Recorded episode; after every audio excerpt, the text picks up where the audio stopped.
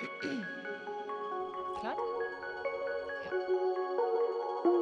Du hører på Viten og snakkes, en podkast fra Oslo Nett. Velkommen til en ny episode av podkasten Viten og snakkes. Stig, fulgte du veldig godt med i naturfagtimene? Nei, det må jeg ærlig innrømme. Det var sort hull i min eh, kunnskap. Ja, det er omtrent det jeg òg. Det var vel det faget jeg eh, sov mest under, sannsynligvis. Ja, Hvis jeg var til stede. Ja. Da er det veldig bra at dagens tema er bakterier, for da har du sannsynligvis ikke helt kontroll på det. Nei, jeg har litt anstrengt forhold til bakterier. Anstrengt, ja. Venn eller fiende? Ja, mest fiende. Får vi se om det er sånn det skal være. Vi Ja. har fått med oss en eh, ja, skal vi si bakterieekspert. Bioingeniør og universitetslektor eh, Kaja Marienborg, velkommen. Takk. Du kan alt om bakterier? Eh, ikke alt, men jeg skal si at jeg er veldig nerd når det gjelder bakterier. Det har vært en stor del av livet i hvert fall to tiår, kanskje litt mer. I motsetning til dere så var jeg supernerd i naturfagstimen da. Så det var veldig Det var mitt favorittfag. Hvorfor, hvorfor liker du bakterier? Mm, eh, jeg syns de er eh, veldig interessante, og så liker jeg litt sånne rare ting som uh, har en uh, unik evne til å tilpasse seg alt på en veldig enkel måte. Det enkle er ofte det beste, har du hørt det før? Hørt. ja. Det liker jeg. Ja. Mm. Men egentlig bakterier er jo mer spennende enn man skulle tro det var. Eh, Jeg, jeg, jeg har jo sånn angst Nei, jeg har ikke angsthold til bakterier, men jeg er sånn litt bekymra for bakteriene mellom med småunger og sånne ting. Men, men, eh, men kan du forklare oss hva er en bakterie? Ja, eh, bakterier det er eh, veldig, veldig små encella organismer. Altså de, de har bare én celle, og det lever de med hele livet. I motsetning til oss som har mange, mange, mange celler. Eh, og så eh, har de en veldig sånn enkel struktur. Vi er litt mer kompliserte. De har eh, veldig stor variasjon. Så liksom, når vi snakker om bakterier, så er det liksom ikke Det er ikke én form. Det er mange former, og de har veldig mange ulike måter å leve på. De finnes jo overalt. Alt fra verdens eh, dypeste hav i varme kilder til vulkaner og isbreer. De har funnet bakterier i sånne grotter som er så fulle av svovel at ikke vi kan gå inn der engang. Så det er liksom De er virkelig overalt. Men, hva, men hva skal vi med dem? De er jo faktisk eh, sagt å være årsaken til at jorda er som den er i dag, at vi kan leve der. De hjelper oss og, og naturen og alt til å produsere oksygen. De er helt essensielle for at vi kan dyrke mat. Eh, hvis du tar liksom en, en neve med jord i hånda, så er det milliarder av bakterier der, og sopp og forskjellige ting. Og det som kanskje ikke vi tenker så mye på, da, det er at eh, for at vi skal kunne leve, så er vi helt avhengig av alle bakteriene som lever og bor i og på oss. Er ikke det litt rart? Det er litt rart, men du må forklare det litt nærmere, den avhengigheten. Ja, um, det er sånn at uh, hvis du legger alle bakteriecellene du har i kroppen uh, på et bord, og så tar du alle dine celler ved siden av, så er ca. sånn røftlig 54 av det totale celleantallet, det er bakterier. Mm. Så du er flere bakterier enn du er menneskeceller, men fordi bakteriene er så veldig, veldig små, så synes det jo ikke så godt, da. Så, Eh. så, det er flertall av bakterier? Ja, ja, det er det. Eh, og så er det Bakteriene er liksom Jeg tror de sier noe som at eh, hvis du tar alle bakteriene i verden og putter etter hverandre som perler på en snor, så utgjør det kanskje en centimeter eller noe sånt, eller en meter. Det er liksom ingenting, for de er så knøttsmå. Eh, men cellene våre er jo ganske store, men de har jo litt andre funksjoner også enn det bakteriene har. Men sånn, eh, vi har masse bakterier i kroppen, og så Ja. er det masse bakterier der ute i verden. Ja, Hva er forskjellen på de i kroppen og de i verden? Er det det samme greiene? Ja, altså det er jo noen bakterier som lever bare ute i verden, i naturen, og så er det noen bakterier som bare lever i eller på oss, og så er det noen bakterier som kan gjøre litt begge deler. Ja. Um, men de bakteriene som, som er i og på oss, de er som et slags sånn førstelinjeforsvar. De hjelper immunforsvaret eh, til å hindre at andre ting kommer inn. Eh, og så har vi Særlig tarmen, da, det vet jo de fleste, at vi der har veldig mye bakterier. Og de hjelper oss til å både fordøye mat og ta ut helt sånne viktige næringsstoffer i maten som våre celler ikke klarer å ta ut. Og det er liksom jobben til bakteriene. Og noen ganger når vi spiser ting som bakteriene kanskje må overprodusere noe av, det, så blir vi jo litt sånn fisfulle da, mm. for eksempel. Ja. Um, og produserer litt ekstra gass. Det er litt problematisk. Ja, Ja. men det kan hende at bakteriene på en måte gir et signal på at ikke spis mye av det er grei. Så det er ingen melding. Ja, så de, de kommuniserer jo med oss litt ubevisst, da. Og så er det sånn, når vi blir født, så er vi helt sterile. Inni livmoren er det helt sterilt. Når vi da blir pressa ut gjennom den tunnelen, så blir liksom barnet dekket av mors bakterier. Fra vaginalkanalen og kanskje litt mer bak også. Og da starter immunforsvaret vårt. Det er liksom det som trigger immunforsvaret. Ja, for du har ikke immunforsvar eh, Nei, det er jo mor som beskytter deg. Eh, Når du er født og de første månedene av livet, så er det jo mors immunforsvar og antistoffer som gjør at du ikke blir syk. Mm. Derfor er det viktig å amme og alt dette her. Eh, og det vet man faktisk gjennom forskning, at barn som blir tatt med keisersnitt, eh, da tar det gjerne flere uker før immunforsvaret starter, for de blir ikke utsatt for det. Så i Norge så er vi liksom skitne med de nyfødte barna, vi bare tørker av dem og sånn, men det er rett og slett for å beskytte barna. Og det er jo i noen land så er det sånn trend at man skal ta keisersnitt, Ja. men det er jo egentlig ikke så bra. Nei. Men, men, altså, så bakterier er bra for oss, det vet Ja. vi jo. Men, men, men eh, hvorfor, har vi, hvorfor er det litt slitsomt med bakterier, eller er det bare Nei, altså det er jo en sånn gyllen middelvei, da. ja, balanse? Um, ja, fordi eh, hvis du aldri vasker deg, eksempel, Nettopp. eller eh, jobber masse ute i jorda sånn, så kan du jo få bakterier som kan bli skadet for deg. Men veldig, veldig ofte så er det sånn at de bakteriene som gjør oss syke, det er gjerne de bakteriene som bor i oss. Fordi at den balansen har blitt eh, i ubalanse. Ja. Vi kaller det normalflora. Liksom, det er mine bakterier, er min normalflora. Eh, og den må vi behandle veldig godt. Da er de liksom bestevennene dine. Mens eh, når du behandler dem litt dårlig, så kan de virkelig bli dine verste fiender. Hvordan behandler du bakterier, bakteriene dine dårlig? Hvis du f.eks. er overrenslig, Mm. eh, så kan den balansen bli litt feil. Det er litt sånn interessant forskning på adoptivbarn som er liksom født og har det første leveåret i sånn veldig skitne barnehjem og sånn. De har ofte mye mindre allergier Mm. eh, enn barn som er født i veldig sterile hjem. Så man bør ikke vaske seg så mye. Eh, jeg vet ikke om jeg skal være så bastant på om man skal eller ikke skal, men det er vel en kjent faktor at vi dusjer litt mye. Ja. Eh, bruker litt mye såpe. Eh, såpe er jo ikke så veldig bra. Folkehelsa sier jo å være nøye med håndvasken, og det er jo en grunn for det. Eh, og det er jo, når det gjelder hender og sånn, så er det jo liksom for å fjerne dette som blir for mye. For mye av det gode.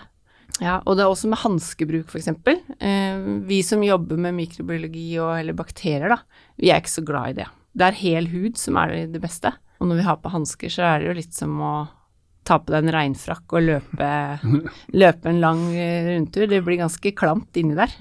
Og det liker jo bakteriene. De elsker jo varme og fuktighet. Ja, men altså, Skal vi ha bakterier eller ikke ha bakterier? Vi skal ha bakterier, Ok, men vi skal ha et greit uh, mengde bakterier. Mm. Og hvem bestemmer det? Eh, det bestemmer litt du sammen med dine bakterier. Så vi inngår allianse med mine bakterier? ja. ja, det blir det. Det som er litt sånn merkelig, er at eh, når vi begynte Det var et sånt stort prosjekt da, som gikk tidlig 2000-tallet, hvor vi skulle eh, kartlegge hele genomen til mennesket, altså oppskriften til mennesket. Og det har de brukt nesten to tiår på, uh, men nå er de liksom ganske i mål med det. Uh, og da fant de ut at bakteriene våre, normalfloraen vår, den spiller en litt større rolle enn vi kanskje før hadde trodd. Det de begynte med da, var at de begynte å kartlegge det såkalte mikrobiota, som er liksom alles normalflora. Eh, og da gikk man fra å si min identitet til vår identitet, for det er kanskje deg og bakteriene sin identitet mer enn det er bare deg, da. Eh, og da har det jo kommet masse ny forskning som viser at eh, bakteriene de kan kanskje ha noe å si om du føler deg litt nedfor en dag, eller om du føler deg litt på topp. Um, og det er jo noen som mener at eh, man blir i bedre humør da, spiser sjokolade og is, f.eks. Ja, det kan man jo kjenne igjen. Det, det er fakta, det. Blir man i bedre humør av Ja. å ikke vaske seg? Nei. Ja, men jeg tenker at eh, hvis man er litt, har litt sånn greit forhold til det, da, sånn som frisøren sier at du trenger bare å vaske håret en gang i, i uka, så selvfølgelig har du vært på en treningsøkt, så vil jo de fleste ha lyst til å dusje, men må du kanskje skrubbe deg med såpe flere ganger om dagen? Trenger du kanskje å dusje flere ganger? Holder det med én gang? For det er jo svetten du vil ha bort. Ja. Så alt med måte det gjelder egentlig her. Alt med måte. Ja. Absolutt. Men mange sliter med å finne rette balansen, og ha et naturlig godt forhold til sine bakterier. Ja, det er jo litt sånn fascinerende at vi er så opptatt av den dusjinga og sånn. Eh, og hvis du bare går i byen, eller står på T-banen, da. Hvis du ser hvordan folk eh, hoster i hånda, tar på den greia på T-banen, tar på penger, tar på mobilen. Jeg, jeg syns kanskje det er mer ekkelt, da. Enn Jeg må ikke, må ikke dusje hver dag, liksom. Og det er litt sånn rart at uh, det forholdet til egen kropp er litt sånn merkelig. Ja, for det er greit å ta på ting som eh, eller, Du blir jo ikke syk av det. Eh, og så er det jo det at Bortsett fra korona, kanskje. Jo da, men eh, korona er et virus, Nettopp. og det er jo noe helt annet. Ja, det er viktig. Nå må du, nå må du virkelig opplyse oss. eh, Ja, bakterier, de, eh, som jeg sa innledningsvis, er encelleorganismer. Det er én celle som har sitt eget liv, eh, og som klarer å produsere det den trenger og alt sånn for å, for å være, og også dele seg, få barn. Eh, mens virus, det er Vi sier at det er et ikke-levende organisme, fordi at eh, den klarer ikke å formere seg selv. Men den er liksom litt som en sånn robot med kunstig intelligens. Den vet jo hvor den skal, den vet jo hvordan den kommer seg inn i celler og sånn, men han, han kan bare det. Men det den gjør, er at den setter seg på eh, våre celler, eller bakteriene, for at bakterier er også virus som kan drepe dem. Eh, og, så, og så går, sprøyter den seg selv inni, eh, og så får den den cellen til å lage nye kopier. Som en sånn hurtigvirkende kopimaskin. Og når det blir mange nok, så sprenger den cellen og dør, men da er det jo viruset mange, mange, mange flere. Så viruset er mer effektivt enn bakterier? Uten for mye hold så tror jeg vi sier ja til det, eh, for det eneste den gjør er jo på en måte å kopiere seg selv i umenneskelige mengder, liksom. Du, Kaja, du, som bioingeniør, Mm. eh, når, du, når du skal sitte og, og se litt på eh, bakterier, Mm. hva er det du ser, og hvordan ser du det, og hva utstyr må du bruke for å se disse her? Eh, vanligvis er det sånn at eh, hvis du skal klare å se en bakterie, så må man bruke sånn mikroskop. Det vi gjør når vi er på lab, da, det er at uh, denne hals... Uh, hvis du tar en halsprøve fordi du mistenker at du har halsbetennelse, så får jeg den inn på, på laben, og så dyrker jeg den. Og det vil si at jeg sprer um, den prøven, det er gjerne en sånn q-tips, en stor q-tips, så sprer jeg den på noen sånne uh, skåler som har ulike geléer i seg, som inneholder forskjellige ting. For eksempel blod eller sukker eller sånne ting. Og så vet jeg jo litt hva jeg skal se etter, da. For det, det kan jeg liksom litt på forhånd. Og så ser jeg etter noen sånne spesielle mønster, fordi etter ca. et døgn så begynner de bakteriene å danne det vi kaller kolonier, som er sånne små gelétopper, um, som vi kan se med det blotte øyet. Og da er det veldig lett å se hvilke bakterier som vokser der. Uh, og så kan jeg ta de koloniene som jeg mistenker gir deg sykdom, og så kan jeg eh, identifisere de. Jeg kan kjøre de inn i en sånn maskin som er litt sånn der Star Wars-aktig med laser og sånn, som skyter på de bakteriene, eh, og da får jeg et navn. Da vet jeg hvem det er. Så det er maskiner som eh, identifiserer de, Du tenker å bruke litt blotte øyne på den? Nei, eh, vi som har jobba lenge, vi bruker både lukt og syn en del på identifikasjon, men Ja. det er jo en subjektiv identifikasjon. Eh, så jeg kan jo ikke si, ringe legen din og si at jeg så på den og lukta på den, og da fant jeg. Det kan jeg ikke si. Men det kan gi meg som bioingeniør noen hint. til hva som kan være der. For bakteriene har veldig karakteristisk lukt. Eh, mange tenker sånn 'Å, det lukter sikkert dritt'. Eh, det gjør ikke alle bakterier. Nei. Vi har en bakterie i munnen som kan gi oss eh, ganske stygge sårinfeksjoner, som lukter som smørbukk. Og det er sånn ordentlig, altså. Ja. Eh, og så har vi noen som lukter litt parfyme. Den vi har mest av, den eh, på kroppen vår, som egentlig ikke er så veldig farlig, hvis vi finner den sånn i sår og sånn, den lukter litt sånn eh, gymsokk som har ligget i bagen en, en ukes tid. Eh, sånn at vi blir ganske gode på det der. De har veldig karakteristisk lukt. Og så, eh, etter at den Før så brukte vi jo masse sånne eh, kjemiske tester og sant, reagensglass og putta opp og fikk farger og sånn. Eh, det gjør vi ikke, for nå har vi teknologi som, som er mye bedre. Som gir disse svarene litt fortere. Eh, og så etter at jeg har funnet ut hvem det er, hvem er det som gir deg infeksjon, så tester jeg det eh, for ulike behandlingsting, da. Og så er det jeg som da til slutt sender ut et svar til din lege og forteller hva som gjør deg syk, og hvordan han eventuelt kan behandle det. Og når du går til fastlegen din, så er vi mye strengere. Da sier vi til fastlegen hvis du må behandle, kan du bruke dette. Det er på en måte litt den Vi sier ikke så direkte, men det er litt hintet der. Okay. Men hvis du ligger på sykehus, så er det litt mer sånn Dette kan du behandle med. Da er det litt mer sånn ehm, Så det er dere som sier hva legen skal bruke? Ja, det er vi på en måte, vi som er bioingeniører, som finner det. Og så har vi også hjelp av eh, leger som For det hender jo at vi bare klør oss i huet og ikke skjønner noen ting. Eh, så da har vi leger som kan hjelpe oss å knytte det litt opp imot hvor i kroppen er det fra, kanskje, eller hva har pasienten gjort før? Det også kan jo spille inn på det. Eh, Kaja, nå kjenner jeg at jeg eh, fikk tatt opp igjen litt av naturfagen jeg eh, missa på videregående. Så bra. Takk skal du ha for det. Eh, men, eh, men vi må snakke videre om en annen del av bakteriens verden. Mm. De er ikke alltid våre beste venner. Nei, de kan eh, bli våre aller verste fiender, og ganske kjapt innimellom. Ja. Mm.